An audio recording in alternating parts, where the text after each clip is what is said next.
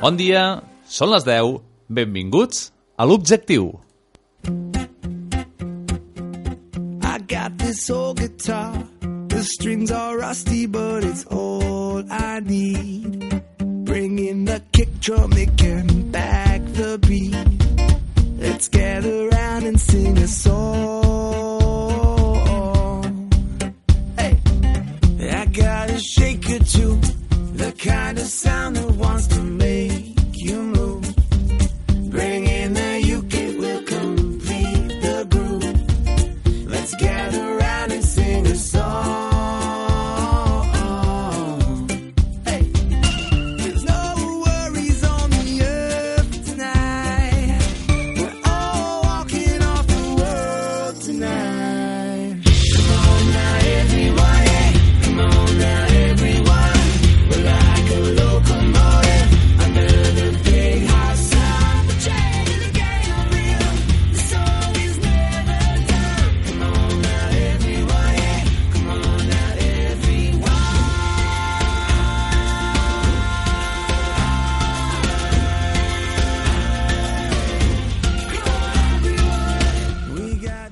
Bon dia a tots i benvinguts a, l'Objectiu, aquí a Matadepera Ràdio.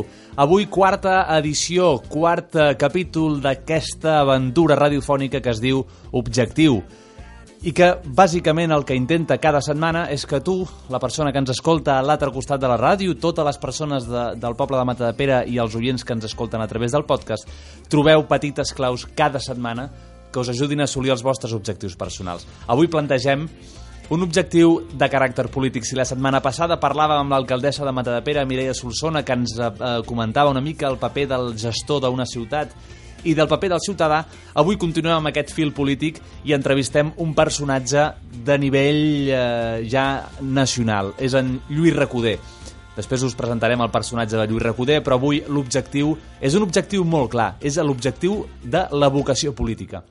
Tots tenim objectius personals, tots tenim objectius professionals i tots hauríem de tenir una petita vessant de vocació de servei, perquè vivim en societat, vivim en, una, en, una, en un en col·lectiu i ens ajudem mútuament. I els polítics són aquelles persones que a priori tenen aquesta vocació de servei i que poden eh, aportar moltes coses a la societat.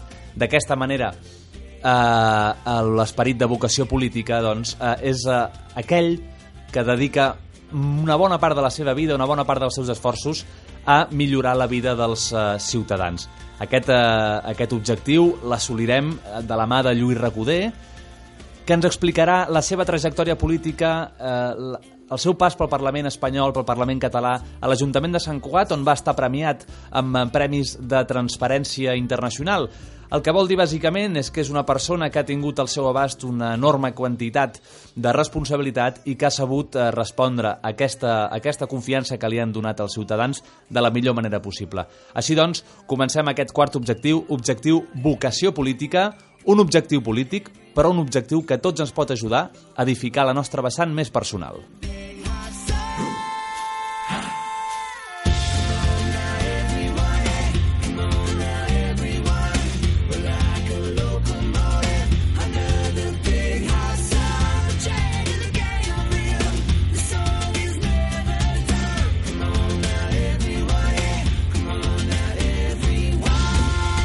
I ara, abans de començar, com sempre, eh, donem pas a una de les seccions més importants d'aquest programa, que és La veu del poble, on donem pas i donem veu a les persones grans de la societat que tenen moltes coses a dir. Bon dia, Ivet Armengol, com estàs?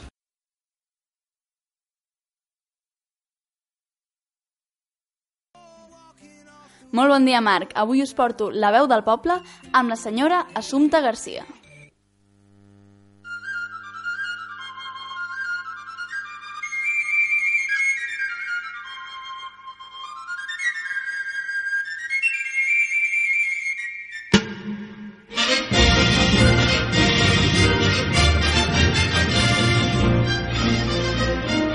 Benvinguts a la veu del poble, aquella secció on donem veu a persones sàvies però corrents. Ells són la nostra gent gran, la gent del poble, i no acostumen a tenir veu en els mitjans de comunicació, però nosaltres els hi volem apropar al micro perquè ens ajudin a saber més sobre el nostre objectiu. Com ja us ha dit el Marc, aquesta setmana eh, parlarem de la vocació política, de si els polítics tenen o no tenen vocació, etc. I li hem preguntat a la senyora Assumpta Garcia què en pensa dels polítics, què creu que fan malament i com seria ella si fos la política ideal. Vostè què en pensa de, dels polítics d'avui en dia? Ai, bueno, no em facis dir perquè m'estic més passar per alt ja, això. Una opinió més, més aviat dolenta, no? Doncs l'opinió. Sí, Quina, digui'm alguna queixa que en té, que són molt corruptes, que són... sí, déu nhi sí. Sobretot a Madrid i aquí també. Home, la corrupció sobretot, vull dir, es fa molt, molt important perquè han xupat a la vaca tant com han pogut.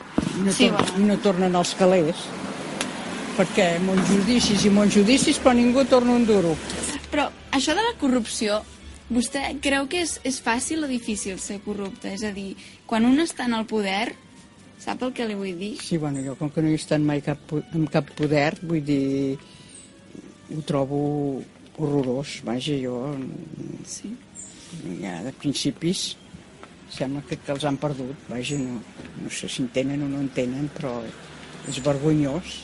Vale, creu que hi ha com impunitat de... Jo crec que sí, que els deixen passar molt per alt segons què, i en canvi en coses que no tenen cap per mi cap importància, com això que ha passat ara a Badalona, jo no hi donaria cap importància i tant rebombori. Això de que han obert als ajuntaments Sí, quan sí. era festa de Sí, d'octubre. sí.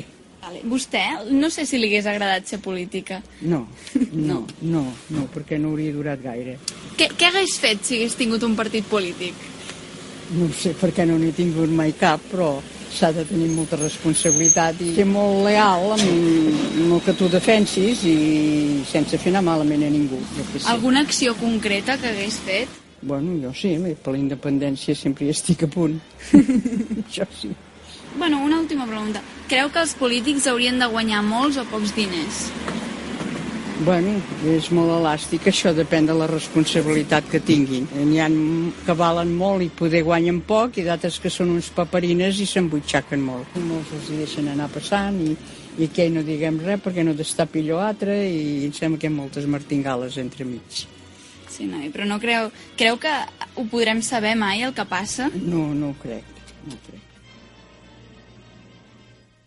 Bé, doncs, jo crec que aquí podem, podem destacar molt importants dos punts, el que ha dit l'assumpte, de la impunitat, que crec que això és un, un problema que està en boca de molta gent i en, en ment de molta gent, actual dels polítics, i també això que diu d'ella, del seu polític ideal, que hauria de ser molt lleial i fidel a 100% als, als seus ideals. Molt bé, Ivet, doncs moltes gràcies per apropar-nos una vegada més la veu del poble. Ha sigut un gust, Marc. rules get treacherous and grow wicked knees. How would you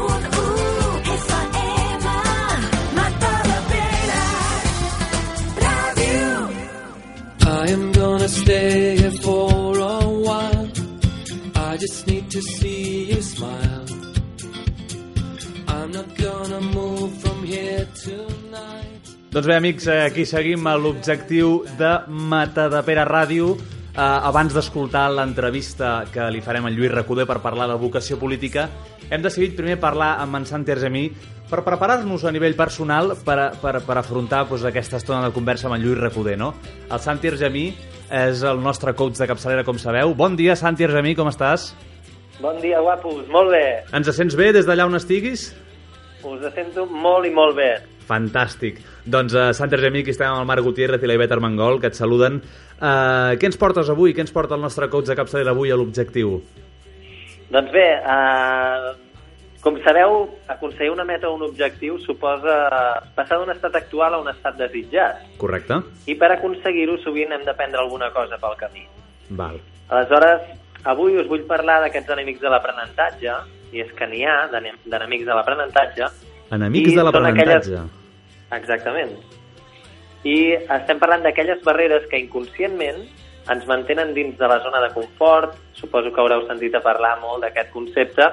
I és que dins eh, d'aquesta zona doncs, s'hi està molt calentó, molt a gust, i per tant hi ha certes barreres, certes, certs enemics que s'encarreguen doncs, de que no prenguem res nou per no exposar-nos i per no patir. Vale. Sí?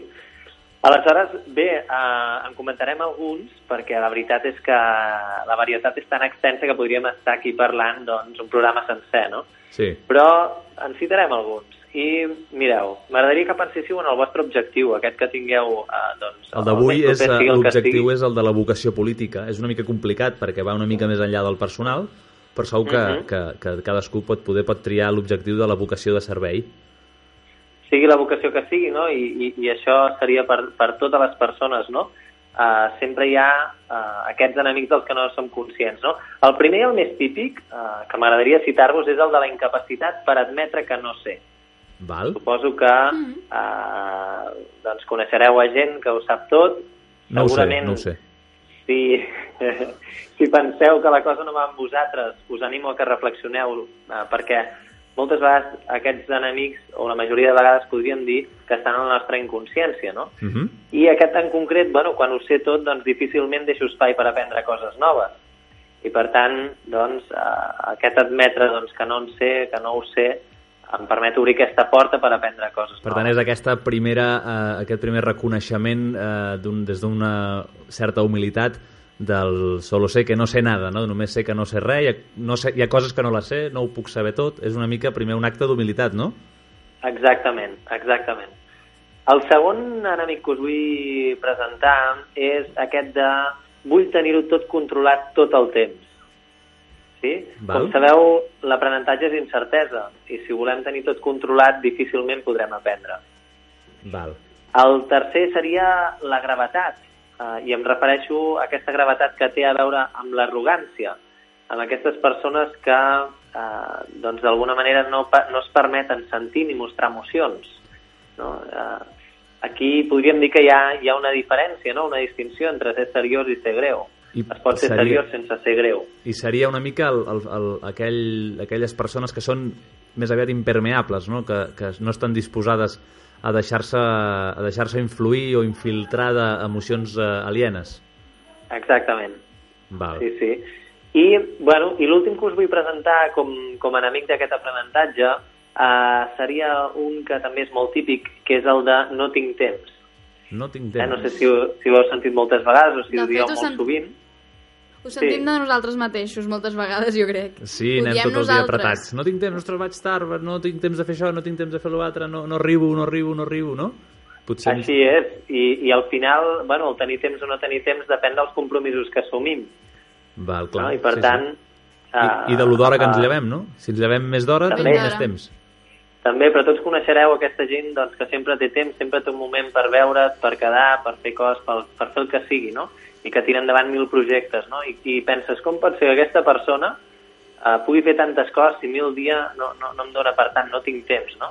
I al final és el tema dels compromisos que assumeixis i de l'amor per l'objectiu que tu tinguis, no? Que llavors Aleshores, és important ah, tenir un ordre de prioritats en primer lloc per, per saber a què dediquem el temps. Abans de, de, de començar a gastar el temps hem de saber a què el dediquem primer, entenc. Exactament, i, i, i en, aquesta, en aquesta cerca no, de trobar la manera d'aconseguir els nostres objectius, doncs us animo i us invito a que penseu en, en aquests enemics, no, com estan afectant, no, aquest de no tinc temps, com està eh, podent eh, posar pals a les rodes no, d'aquesta bicicleta que va cap a l'objectiu. No? Va, molt bona. Aleshores, a- Deures. em, mireu, sí, deures, deures, i aquesta setmana són per la Ivet. Eh? Ivet, eh, apunta perquè el nostre coach no perdona, eh? Vaja, vaja, em passareu Sí. revista la setmana que ve, no? No, evidentment per la Ivet, pels Marcs i per tots els oients, eh? Però eh, jo us proposo un exercici aquesta setmana i és que tracteu d'identificar quins d'aquests enemics d'aquest aprenentatge estan presents actualment en el camí cap a les vostres metes. Uh -huh. Eh? I és que Uh, com sabreu, uh, el que aquí estem proposant és una presa de consciència que ens permeti obrir noves possibilitats d'acció per assolir els vostres objectius. Val. Doncs, uh, Ivet uh, Armengol, davant de l'audiència, uh, tu seràs setmana vinent el, el, ens hauràs d'explicar una mica Els deures aquestes... que I fem, t'hauràs no? de posar, hauràs de fer aquest acte de contricció davant de tota l'audiència de l'objectiu Jo crec de que- cara Que- a fer una millora pública. Ets poc millorable, Ivet, també t'ho hem de dir, però aquests, aquests petits no, no, filons perquè que falten... això que ha dit de, que, de dir que no tinc temps, jo ho faig constantment, vull dir que crec que serà un exercici que particularment em ve, mm, vamos, com anell al dedo, que es diu. Molt bé. Fantàstic. Fantàstic. Santi, Escolta'm, Marc, digues. ah, respecte a l'exercici de la setmana passada, com Sí. va anar? Va anar bé, va anar bé. La- L'hem posat en pràctica i... Sí, jo potser apuntar les emocions que, que sentim no, però fixar-m'hi més sí que ho vaig fer i em va ajudar molt a, a identificar petites coses que no m'hi havia fixat, la veritat. Uh -huh. I el de ser i està sent? El de ser està sent, que és el de fa dues setmanes. No, ah, sí. no, no, el de ser ja està sent, eh, que va ser, la, va ser la setmana passada, la Ivet Ah, no. també té un concepte de l'espai-temps estoy eh, de l'espai-temps molt, molt relatiu, però, però el de ser ja està sent a mi em va agradar particularment perquè vaig tenir situacions i converses en les que, en les que vaig poder posar en pràctica això amb altres persones, no? en situacions i, i moments que, que la veritat és que em van ajudar aquests consells, aquests, bueno, consells no, però aquests, aquestes distincions de cara a tenir, a tenir, a tenir pues, converses eh, productives en aquest, en aquest sentit. Santi Argemí, eh, estem intentant aprofitar al màxim, aprofitar al màxim aquesta, totes aquestes pautes que, que van sortint en aquesta secció del coach de capçalera. Aviam si la setmana que ve la Ivet Armengol ha fet els deures i, i, i, i la podem la podem felicitar quan acabi, la, quan acabi aquesta secció. M'apunto, m'apunto. Segur que sí, segur que sí, Bet. Molt bé, doncs, Santi. Bueno, Moltes gràcies, una abraçada Santi. molt forta Escolta, a tots. moltes i gràcies, que acabis de passar un bon cap de setmana i parlem el dissabte vinent. Gràcies. Vinga, Adéu, moltes Santi. gràcies. Adéu. Cuida't molt. Adéu. Adéu. Laying asleep.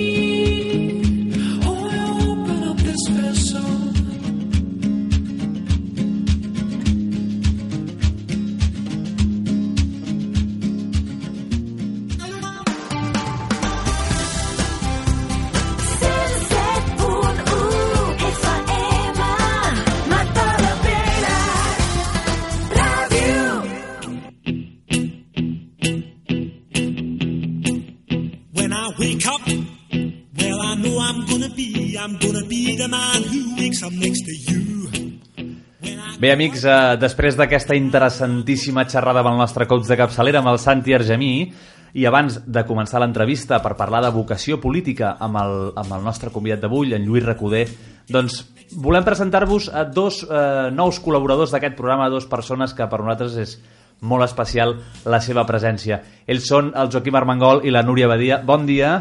Bon dia.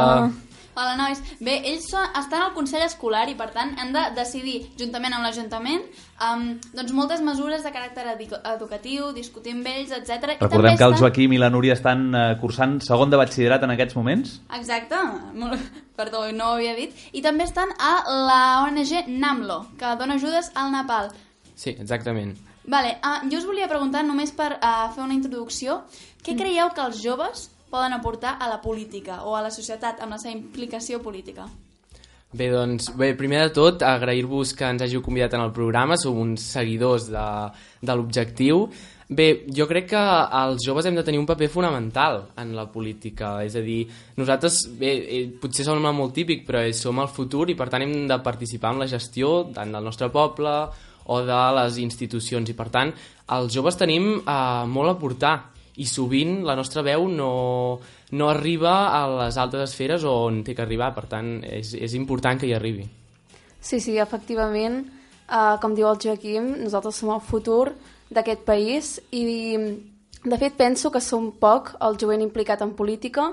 Crec que hi hauria d'haver més interès per aquests assumptes perquè és la gestió del teu país i tots hi hem de participar i col·laborar i fer noves propostes. Molta gent critica molt, critica molt uh, la gestió que en fan els polítics, però sempre darrere d'una crítica hi ha d'haver hi ha d'haver, doncs, una proposta, no? i tots hem d'estar oberts a proposar i a, a col·laborar amb tot el que sigui les gestions de, del nostre país. Molt bé. Uh, Núria, Joaquim, avui us hem convidat mm, bàsicament per saludar-vos i esperem que al llarg d'aquesta temporada, on tractarem temes de conflictes internacionals, de política nacional, de, de, de diversos temes que afecten a la societat, uh -huh. esteu, i, i per això esteu aquí avui, esteu, això és casa vostra i teniu les portes obertes per venir a participar d'una tertúlia i donar el vostre punt de vista com a persones que teniu un paper actiu dins de la, dins de la societat.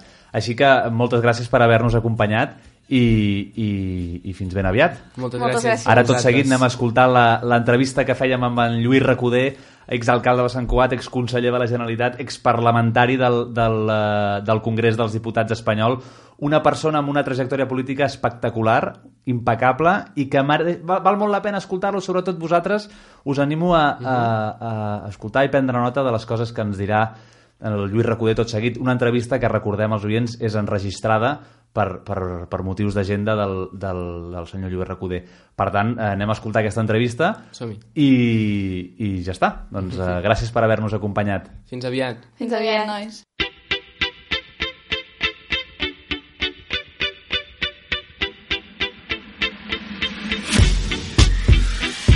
I'm moving till the first days are done. Keeping it on till the day stays strong.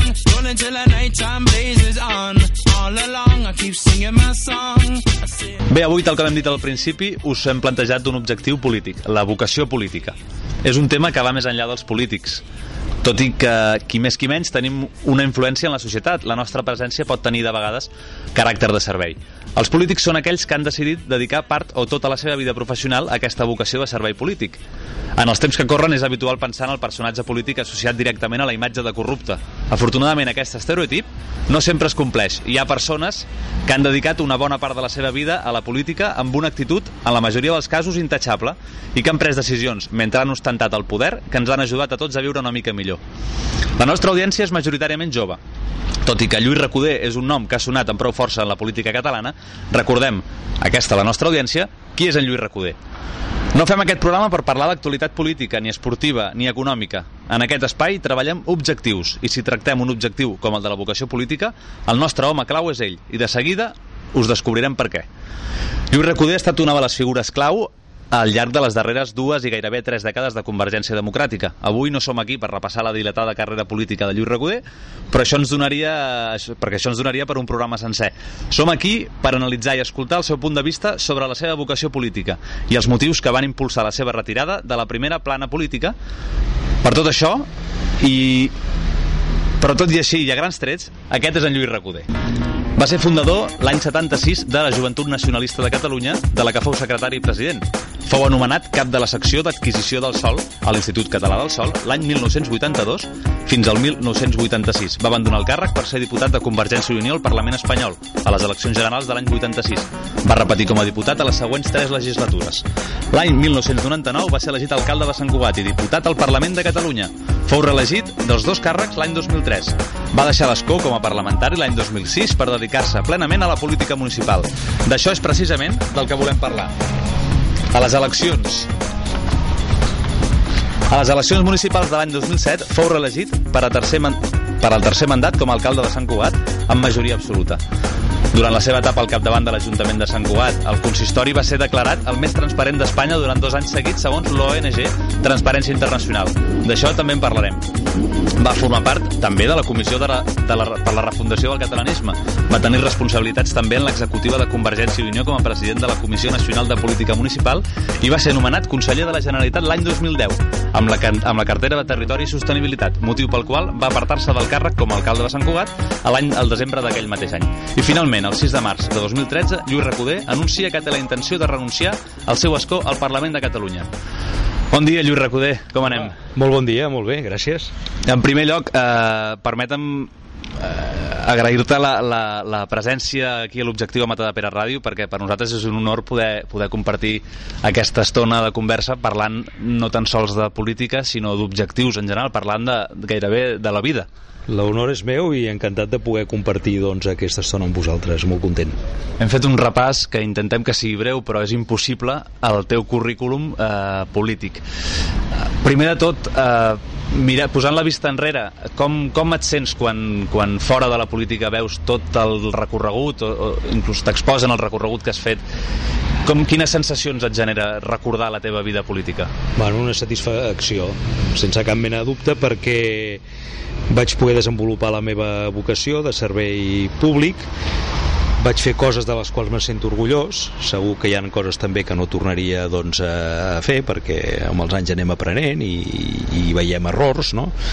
però satisfet eh? satisfet i content d'haver tingut el privilegi de fer allò que jo volia fer que era ajudar a construir el meu país i una societat millor Aquí a l'Objectiu a Matadepera Ràdio estem precisament per parlar d'aquelles coses, cada setmana n'és una diferent, que ens afecten o que ens interpel·len profundament. Cada persona dels que ens escolten, eh, alguns van amb tren, un d'aquests trens que passa pel nostre costat avui que enregistrem aquesta entrevista aquí a l'estació, al costat de l'estació de Sant Cugat del Vallès, però les persones que escolten aquest programa igual que cadascun de nosaltres tenim objectius en, en la teva vocació política quin era el teu objectiu quan et vas plantejar començar com a, com a el jove Lluís Recoder entrant al món de la política? Tenia un objectiu personal?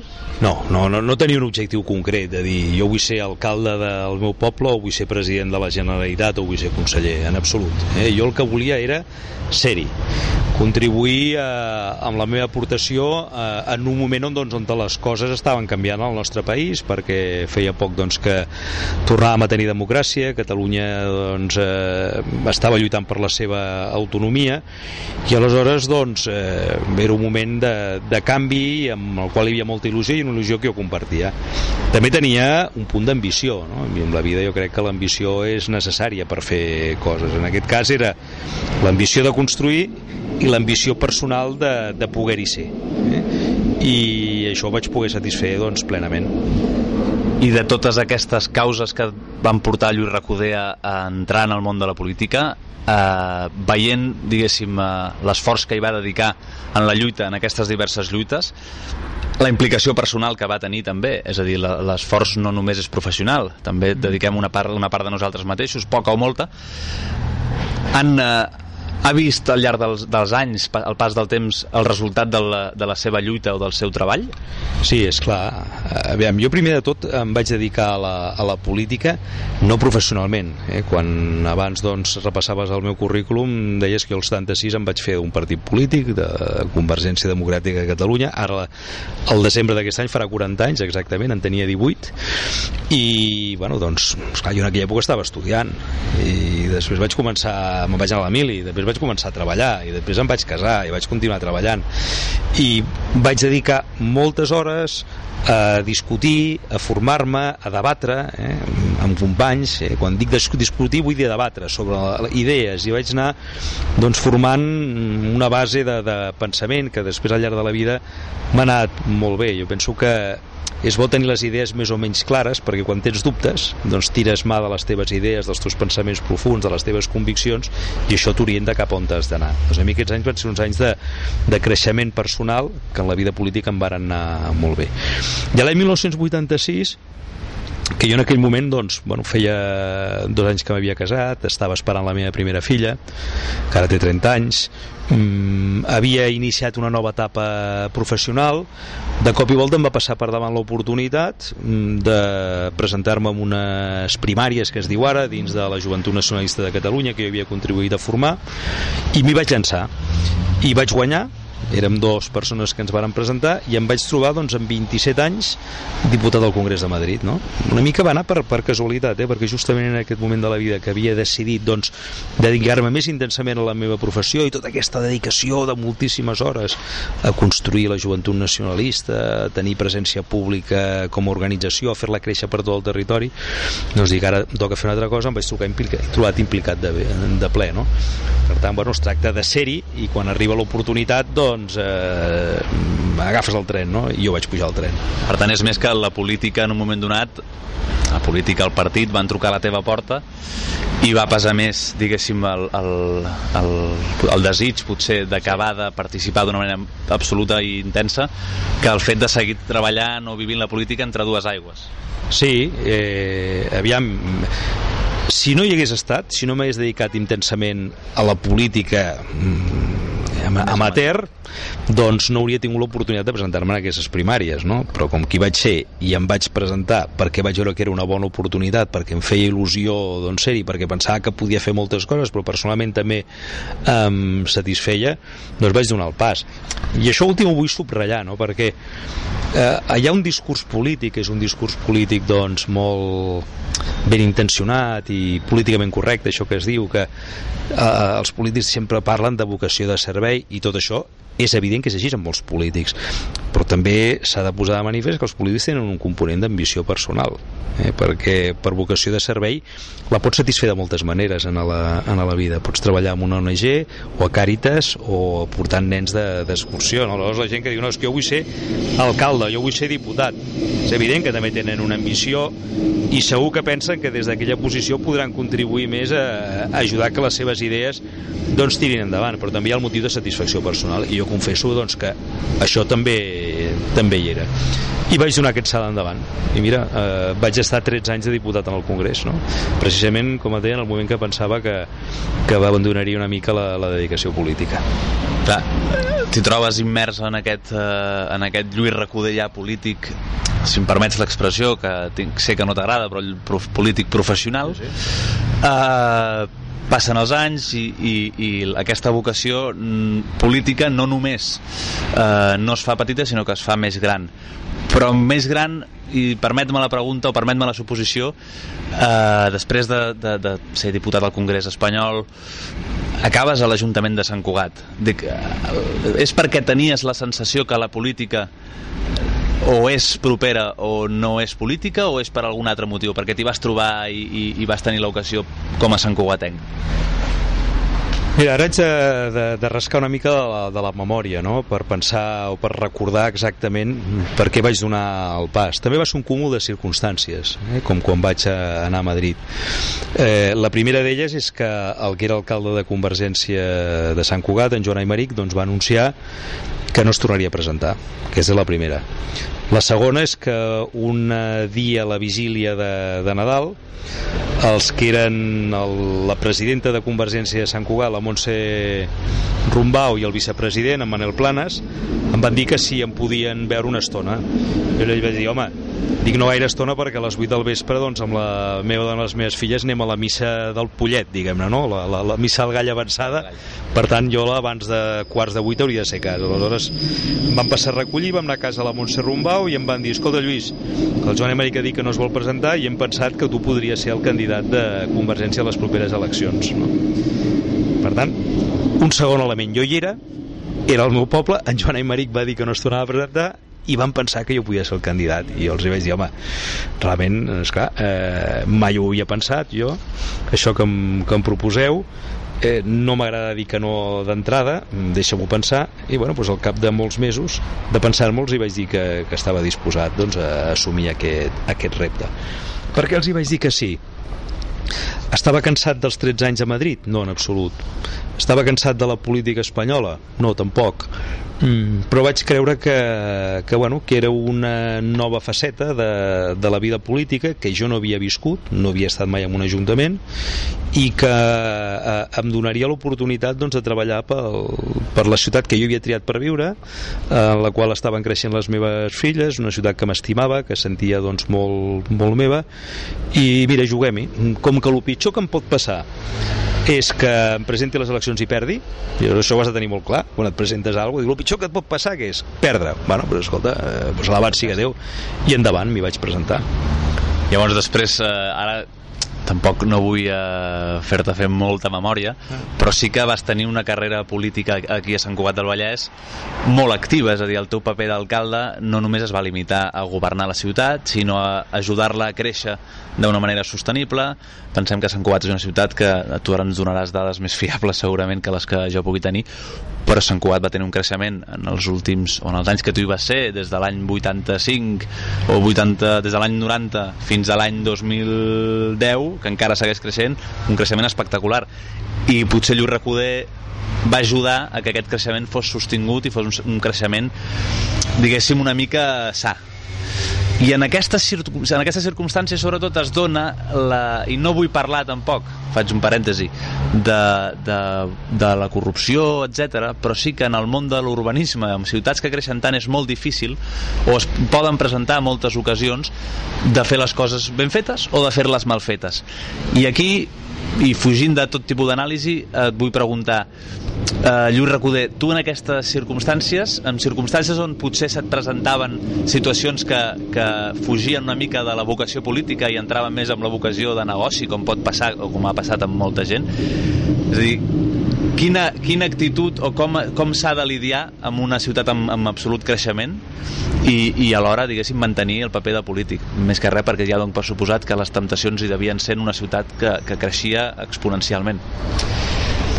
Bé, eh, aquí eh, hi entren en joc els principis de, de cadascun, no? I com jo et deia, durant molts anys vaig estar formant la, la meva base de pensament i sempre he tingut les coses molt clares i, i sapigut allò que es podia fer i allò que no es podia fer, no? Jo la primera cosa que vaig fer quan vaig eh, arribar a l'Ajuntament de Sant Cugat va ser deixar un ofici que no havia deixat del tot, que era eh, fer d'advocat. Eh, jo quan l'any 86 plego de l'Institut Català del Sol i me'n vaig a Madrid, ho compagino amb una cosa que es podia fer perfectament, que era un despatx d'advocats, eh, que en aquell moment, doncs, eh, en el qual jo m'integro, fent d'advocat urbanista, que és la meva especialitat. La primera cosa que he de dir és plego absolutament d'advocat perquè eh, una cosa és fer lleis i una altra cosa és governar una ciutat, i més una ciutat amb creixement i més amb la meva especialitat, no? òbviament que de temps no en tenia però eh, fent d'alcalde a plena dedicació però dius, mira, si hagués sigut advocat de família que porto separacions, doncs mira, això no té gaire incompatibilitat, però ser advocat urbanista doncs òbviament sí, per tant vaig desvincular-me absolutament de la meva professió eh, i, i vaig dedicar-me amb el que jo vaig creure que havia de fer, que era defensar els interessos de la ciutat de Sant Cugat i per descomptat de la meva visió de la ciutat de Sant Cugat Òbviament que Sant Cugat no hi ha un abans i un després de que jo arribi, ni molt menys, perquè Sant Cugat té un creixement doncs, harmònic, però Sant Cugat, quan arribem al, a l'equip que, que jo encapçalo, en el qual doncs, hi ha persones com la Mercè Conesa, que ara és l'alcaldessa, en Jan Carbó, que és el tinent d'alcalde de- d'Urbanisme, i moltes altres persones, o que va ser tinent d'alcalde d'Urbanisme, doncs tenim un planejament, és a dir, el desenvolupament d'aquests dos grans barris eh, últims que, que han crescut i que encara estan creixent, de Volpelleres i el Turó de Can Mates, que està ja pràcticament aprovat i nosaltres diem, no, tot això ens ho volem pensar molt bé, perquè aquest és el creixement futur de la ciutat hem de pensar l'impacte que això tindrà sobre la ciutat, sobre la mobilitat, sobre els equipaments, les escoles que necessitarem, els equipaments esportius que necessitarem. Després, això, els creixements generen recursos per la ciutat i, per tant, els diners que genera aquest barri en forma de llicències, tot això, ho hem d'invertir en aquests equipaments, no? I aleshores tot això ho aturem, ens ho pensem molt bé, ho discutim molt amb, la, amb tots els grups polítics del consistori i de fet el creixement de la ciutat doncs el vam liderar òbviament des de l'equip de govern però el vam pactar eh, amb tots els grups del consistori menys un. Van, 23 regidors van votar a favor i dos es van abstenir i vam pactar des del Partit Popular, el Partit Socialista i Iniciativa per Catalunya Verds. Només es va abstenir Esquerra Republicana de Catalunya i no perquè tinguessin un, una discrepància fonamental, no? Bueno, doncs, eh, tot això per descomptat va, dir que posar va, va requerir posar-hi molt de seny i molta dedicació no?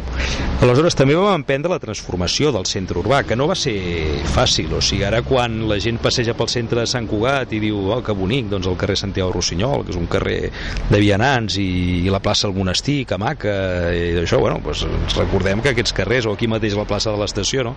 aquí passaven més de 20.000 cotxes i el carrer Santiago Rossinyol, que és un carguet unes voreres de, que no hi, cap pràctica, no hi cabia pràcticament el cotxet del carret d'una filla meva petita quan passava, doncs ja passaven 8.000 al dia, no? i la plaça del monestir era un aparcament.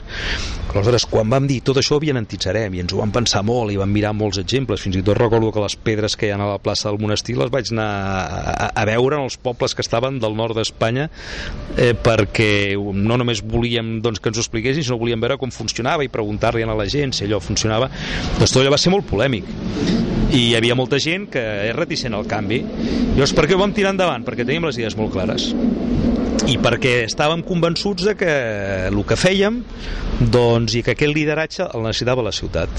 Aquí hi ha un, has tocat un tema i m'escapo una mica de les decisions polítiques, però, però alhora no parlo més que d'això, que és del lideratge, que el líder polític o la persona que té la, la gorra de líder en el moment determinat ha de prendre decisions que a vegades no són del tot populars, perquè la ciutat en un moment donat és d'una manera un proposa un canvi i un canvi sacseja i hi ha moltes persones que critiquen.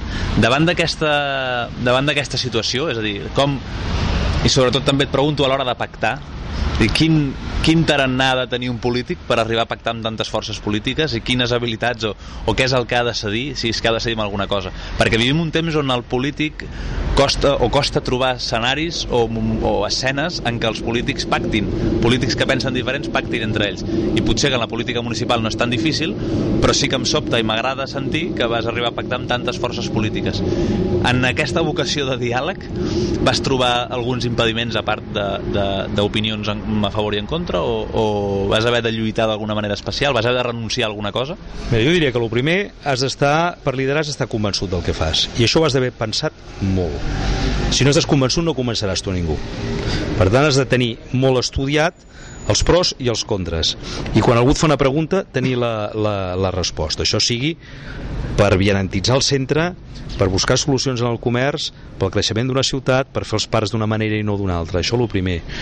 Després, has de tenir, has de ser molt humil, eh, no creure't que ets res, pensar que, que estàs en allà perquè t'ha posat els ciutadans i estàs provisionalment. I te n'aniràs. I potser el dia que te'n vagis, escolta, se n'en recordaran un temps de tu i després ja no se n'en recordarà ningú. Per tant, molt humil.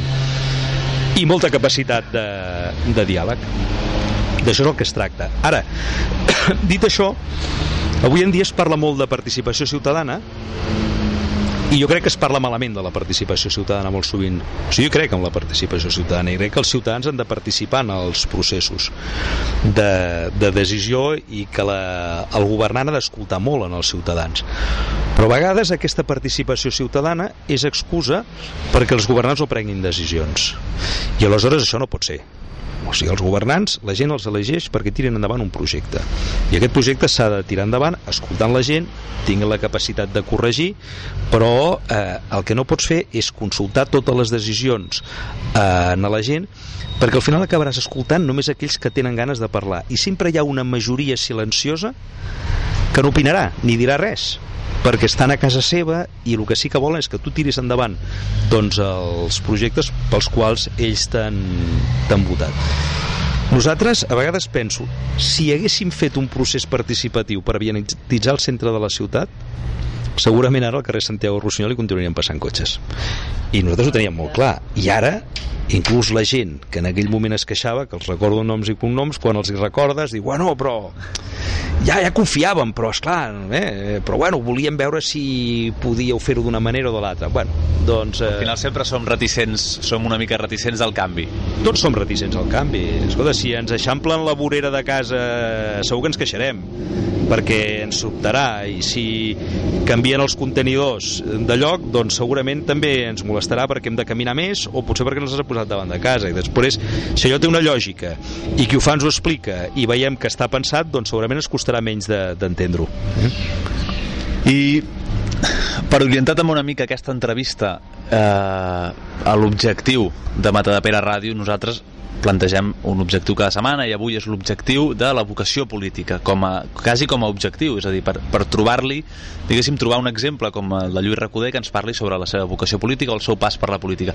Però els oients de Mata de Pere Ràdio els oients d'aquest programa, cadascú té un objectiu i la persona en el seu dia a dia ha de cultivar certes virtuts, certs hàbits per poder avançar, per poder, diguéssim, millorar com a persona, per poder anar assolint aquests petits objectius i a vegades no és fàcil, requereix un esforç. Ja parlo més enllà de la política a nivell personal Lluís Recoder com a polític i com a persona, quines diria que són les virtuts que l'han ajudat a, a arribar on ha arribat? Quines virtuts poder ha cultivat? Ja sé que no és fàcil parlar d'un mateix amb, amb bones paraules, o potser quins bons hàbits són els que, que ajuden una persona a arribar fins a aquestes cotes de treball i, i, i tenir els resultats que, que ha tingut, que encara hi ha molta gent que ho recordem, els que hem viscut a Sant Cugat durant molts anys, recordem com un bon polític, no? I podríem dir moltes virtuts. Després posarem algun exemple, si cal.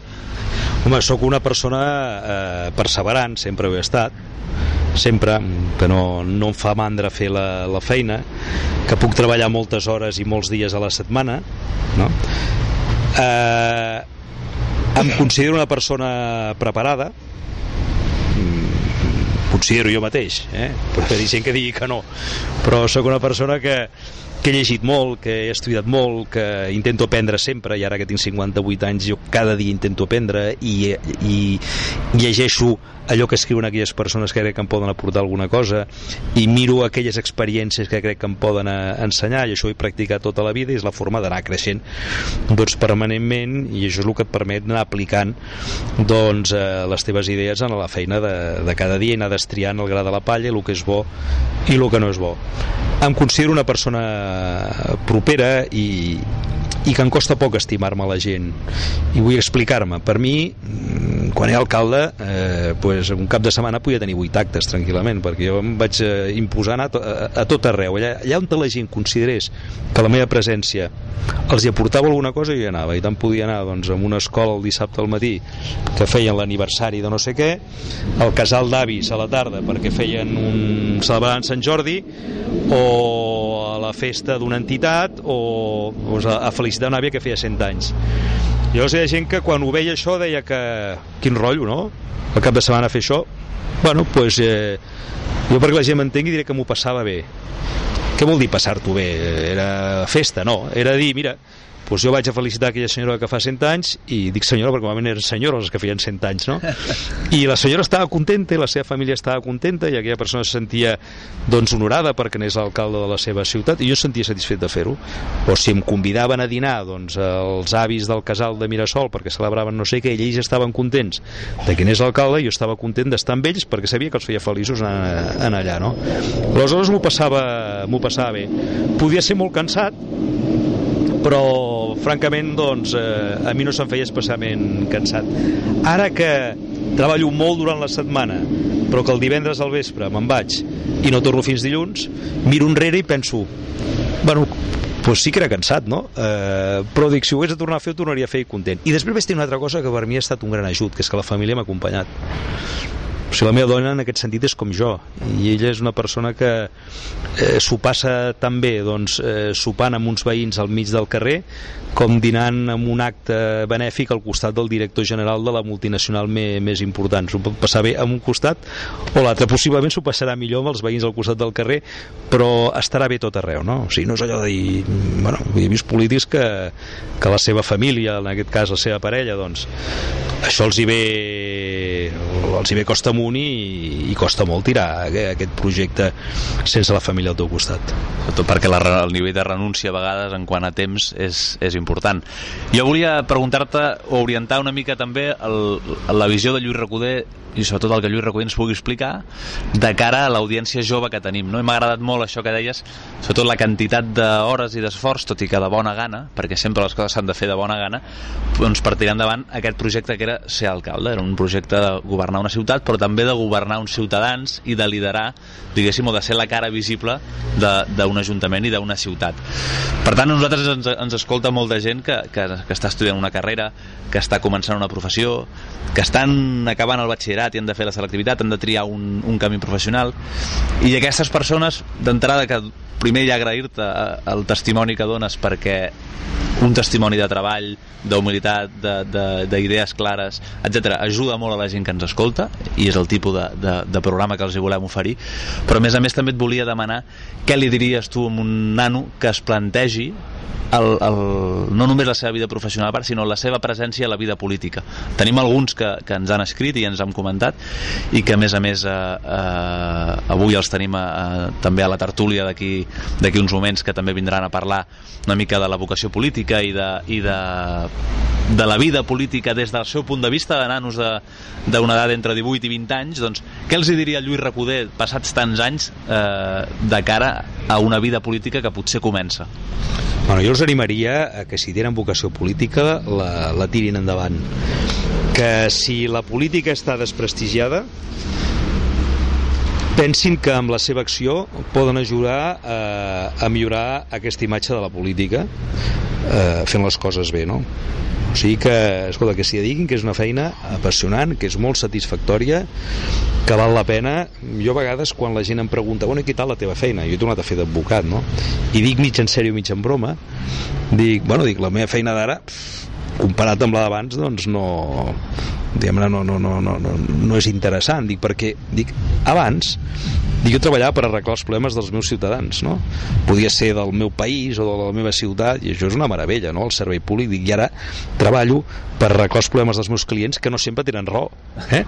Bueno, per tant, eh, o sigui, l'interès dels temes que toques és, és molt gran amb, la, amb el món polític, o sigui, poder ajudar doncs, mirem-nos-ho des de la vora no? des de la proximitat d'una ciutat. Bueno, jo estic aquí ara en aquesta plaça.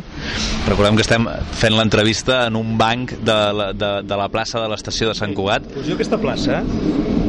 Eh, amb més gent de l'equip? O sigui, l'he pensada l'he pensada, aquest carrer que hi ha aquí o sigui, recordo quan vam decidir obrir-lo eh? i recordo quan vam tallar la cinta aquesta de- d'aquest carrer perquè això ens permetria vianantitzar la plaça de l'estació. Quan el vam tenir obert doncs vam poder començar eh, les obres que permeten ara que Sant Cugat quan surts de l'estació sigui de vianants, que abans passaven milers de cotxes per aquí davant. Era el punt de pas principal de tots els ciutadans i jo que, tot i que faig el programa de Matadepera Ràdio, molta gent es deu pensar que sóc de Matadepera, jo he crescut i, i m'he- he nascut i he crescut a Sant Cugat amb el Lluís Recoder com a alcalde. I sí que és una... tots els canvis que ha dit els he viscut en primera persona i són una passada, sobretot perquè passar de veure l'estació o la, la, la plaça del monestir el que eren el que són avui és, eh, el canvi és espectacular i el record també. Pues tot això ho, ho, bueno, ho vàrem pensar o aquest edifici que tenim aquí darrere on han entrat una parella gran fa una estona i ens han saludat quan vam fer la plaça vam reservar un espai i aquest va ser el primer edifici que vam fer a Sant Cugat públic per gent gran.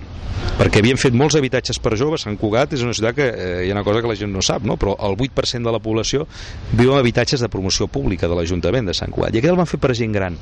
Perquè deien, bueno, hi ha gent gran que viu en infrahabitatges o sigui, a trobar gent gran que viuen en habitatges que tenen una cuina o un quarto de bany que als joves ens costaria viure allà doncs van fer això amb uns preus absolutament doncs, a, l'abast de la persona que paga la pensió més, més petita i això ho vàrem pensar aleshores ara quan estàs allunyat jo ja fa doncs, 5 anys que no sóc alcalde de Sant Cugat o 6 no? i veus aquí el resultat doncs, bueno, et sents satisfet no? aleshores que pensin aquestes persones joves que, que poden tenir vocació política doncs la satisfacció que aporta sentir que has contribuït a millorar la vida doncs, de, de persones com la gent que surt de l'estació i no té cotxes davant, la gent gran que ha trobat un habitatge digne aquí, les mares o pares que venen a jugar amb els nens en aquest parc i aquesta plaça que abans no, no existia.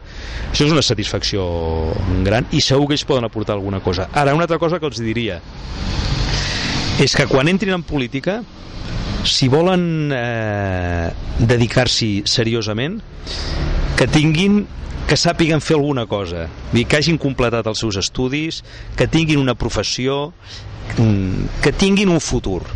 Perquè has de pensar que la política eh, no és una carrera. Es parla molt de fer carrera política però jo aquest és un concepte que no hi estic d'acord, no m'agrada. O sigui, jo crec que la política és sobretot una vocació.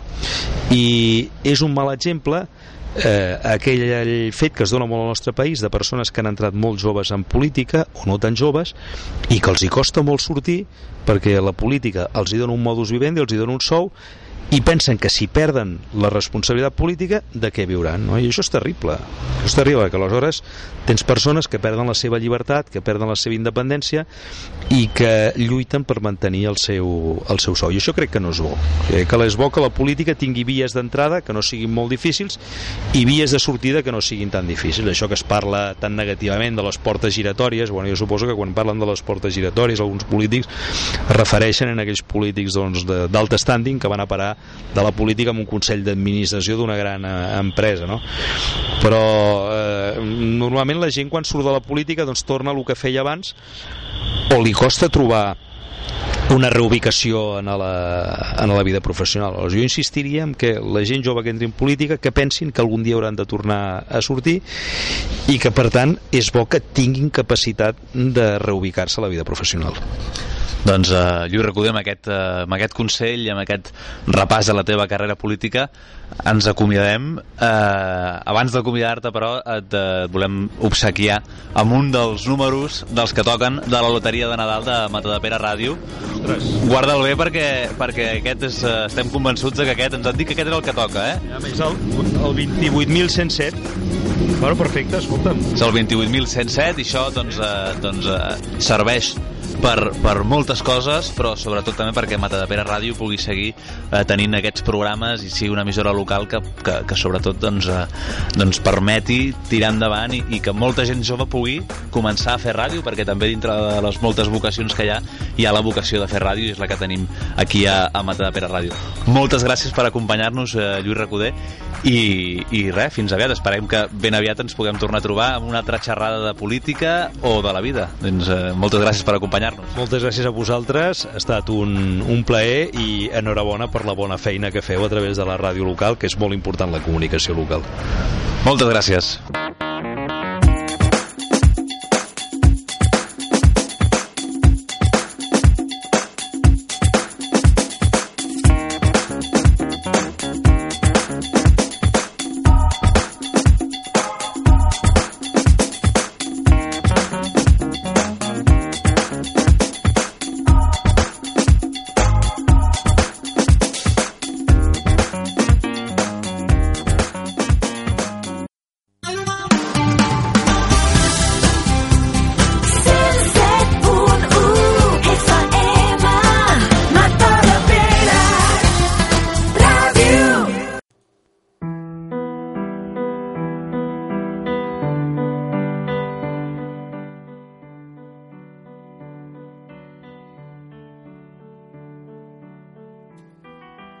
I com cada setmana també eh, avui us, eh, us apropem la secció filosòfica d'aquest eh, programa.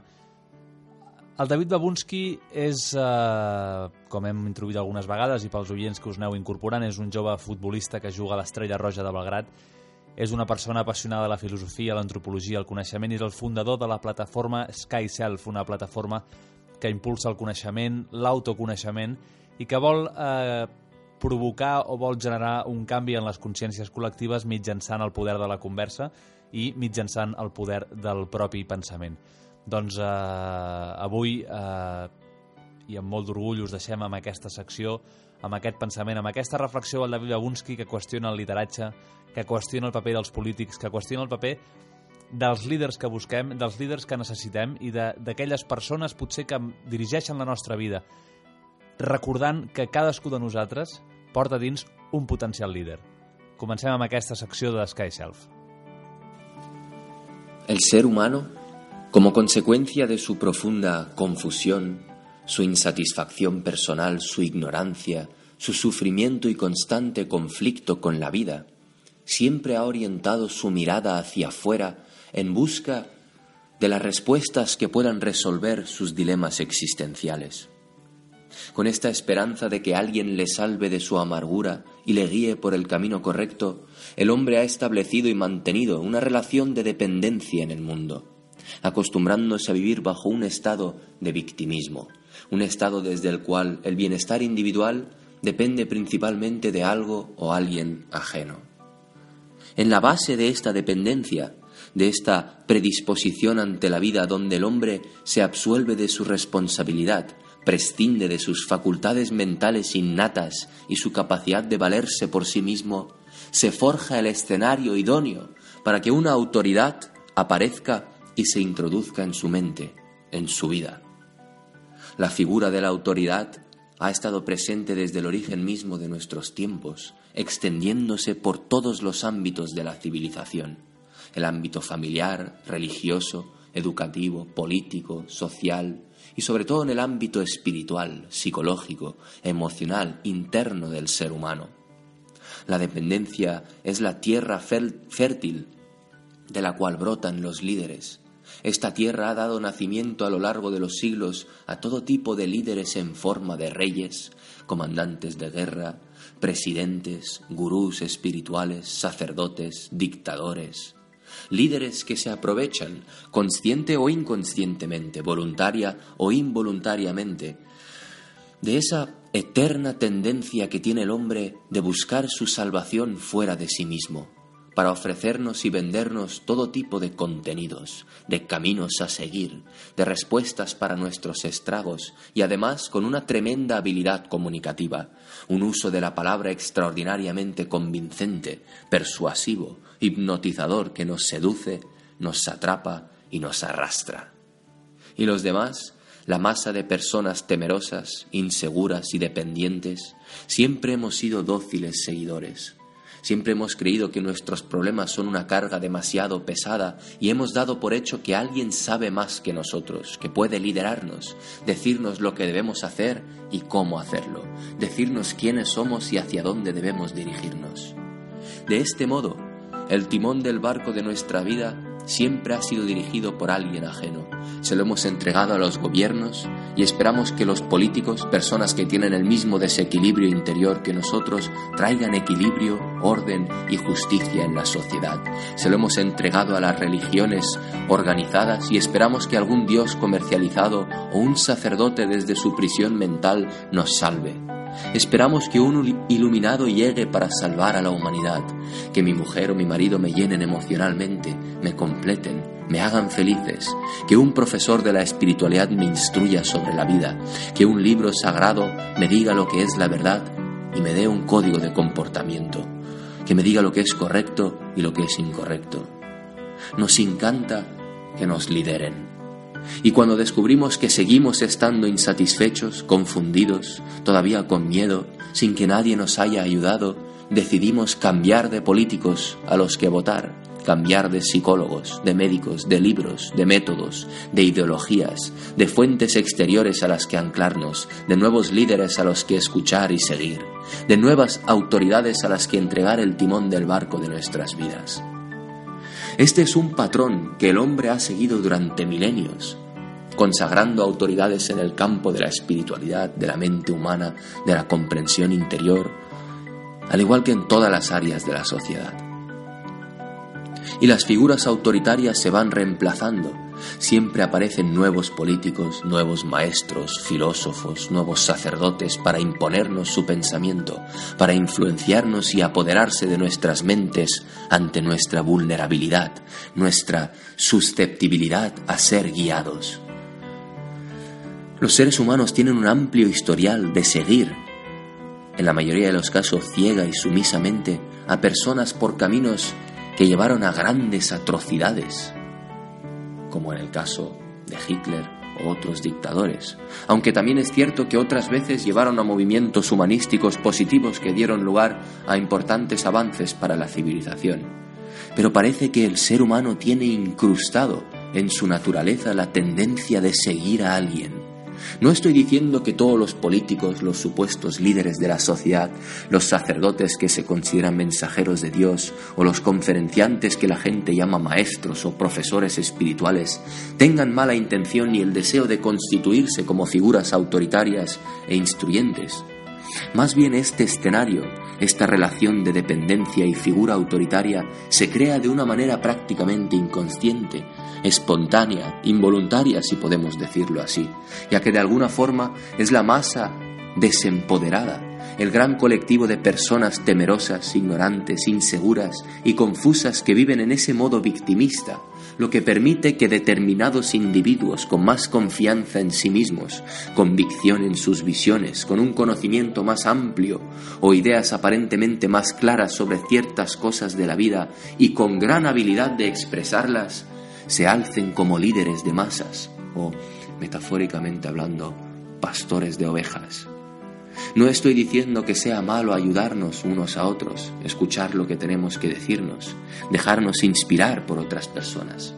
Ese no es el contexto en el que pretenden desarrollarse estas observaciones, no es lo que estamos investigando. Lo que estamos intentando observar y entender es la naturaleza de esa eterna necesidad que tiene el hombre de depender de alguien, de crear o proyectar iconos idolatrados, de esperar a salvadores, de ser guiado en cualquier campo de su existencia, sobre todo el interno. Y si este es un factor porque no hemos conseguido cambiar hasta ahora, ni como individuos, ni como civilización, Bien hemos observado que esta relación de dependencia, de victimismo, de autoridad-sumisión, de líder y sus seguidores, de influencia externa autoritaria, no ha servido para cambiar al hombre, para cambiar a la humanidad. Y en una época de turbulencias y grandes cambios, mucha gente sigue solicitando nuevos líderes, reclama nuevas autoridades para sacarnos de nuestro caos. El ser humano que permite la presencia de un líder en su vida, ya sea en forma de político, instructor espiritual, sacerdote, marido, mujer, padre, madre, está aceptando su estado de dependencia, su victimismo, su incapacidad de valerse por sí mismo, su complacencia, su conformidad y pereza. Me pregunto si este patrón puede romperse. ¿Y qué sucedería si cada ser humano se empoderara de su propia mente, de su propia existencia, para ser su propio líder, su propio político, su propio aprendiz y maestro espiritual, su propia fuente de soluciones? Ahora bien, ¿qué implicaría semejante autoempoderamiento? ¿Qué tipo de cambio, de transformación interna exige al individuo dicho empoderamiento?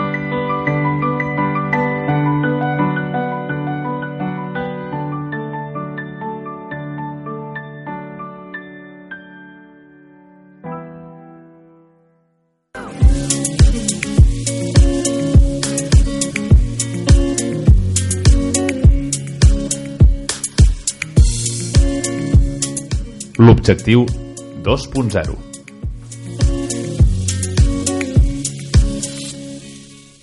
Bé, benvinguts a l'Objectiu 2.0, la secció en què apropem els nostres oients a apps, canals de YouTube, blogs, webs, etc., que poden servir-nos per complir l'objectiu de la setmana, que és l'educació política. Bé, um, com jo sempre dic, uh, l'important per ser un bon ciutadà, i en aquest cas també un bon polític, si és que hi ha algú que vol ser polític, és um, informar-se bé. I ha sortit la app per informar-se bé, jo crec. Marc. Quina és aquesta app? Ilet? És una app que es diu Squid App, que uh, per fi podem seleccionar els temes dels quals volem rebre informació. Imaginem que tu només t'interessa el futbol. Vale. Doncs pots seleccionar... Bueno, t'interessa el futbol i la moda. Doncs sele- selecciones futbol i moda. Futbol i actualitat. Sí. Uh, esports i mm, cultura, el que sigui. Mm, I llavors pots rebre només notícies dels temes que t'interessin perquè així ja no rebis tot el, el, la onada de notícies sense cap mena de selecció. Vale. Llavors, una altra cosa que us vull presentar. Um, un portal una mica més valoratiu i, i una mica més uh, dens és El Replicante, que és un blog del Carles Castro, un, un, un escriptor de La Vanguardia, que dona la seva opinió davant, donant molt context i amb molt contingut que jo crec que eh, és molt valorat. A més, és un, un periodista que té molta experiència a La Vanguardia i és de molt... I que es pot aportar una visió més independent, també. Uh, sí, exacte, és periodista i per tant té l'obligació de ser objectiu Uh -huh. i jo crec que és, és un, un, una molt bona manera de tenir un context, de tenir una cosa més enllà de la freda notícia. I per últim us vull portar... Um, bé, si hi ha algú que ens escolta i que vol dedicar-se a la política o amb alguna cosa relacionada a la política, li vull recomanar um, la web del Servei Civil Internacional, sci-cat.org que mm, trobareu conferències sobre temes socials, etc. i també camps de treball, per si voleu, camps de voluntariat, per si hi ha algú que se'n vulgui anar a aprendre idiomes i a l'estranger, que ja sabem que és molt important. I mm, bé, això ha sigut tot aquesta setmana, Marc. Molt bé, doncs, uh, Ivet, molt interessant la teva secció tecnològica, com sempre. És, uh, és interessant poder aprendre, aprendre recursos que ens poden ajudar a millorar i a, i a, i arribar cap als nostres tant, objectius. mà. Doncs, amics, uh, acomiadem ja aquest programa, aquest objectiu d'aquest uh, d'aquest dissabte, quart objectiu de la temporada, tot de, desitjant que us hagi servit per apuntar, per aprendre pautes que ens puguin ajudar a complir els nostres objectius. Perquè recordeu, i això és la màxima d'aquest programa, que per assolir els nostres objectius només podem arribar-hi si anem junts.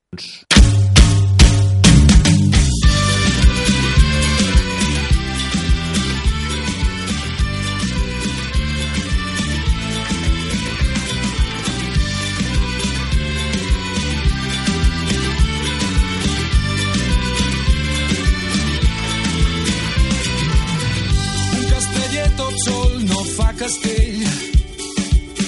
Una flor de clavell no fa remei, mai ho farà. Un mariner somia el seu vaixell i a cel obert vol un ocell. Ei, és desig, és sentiment, és evident. És l'estiu d'una cançó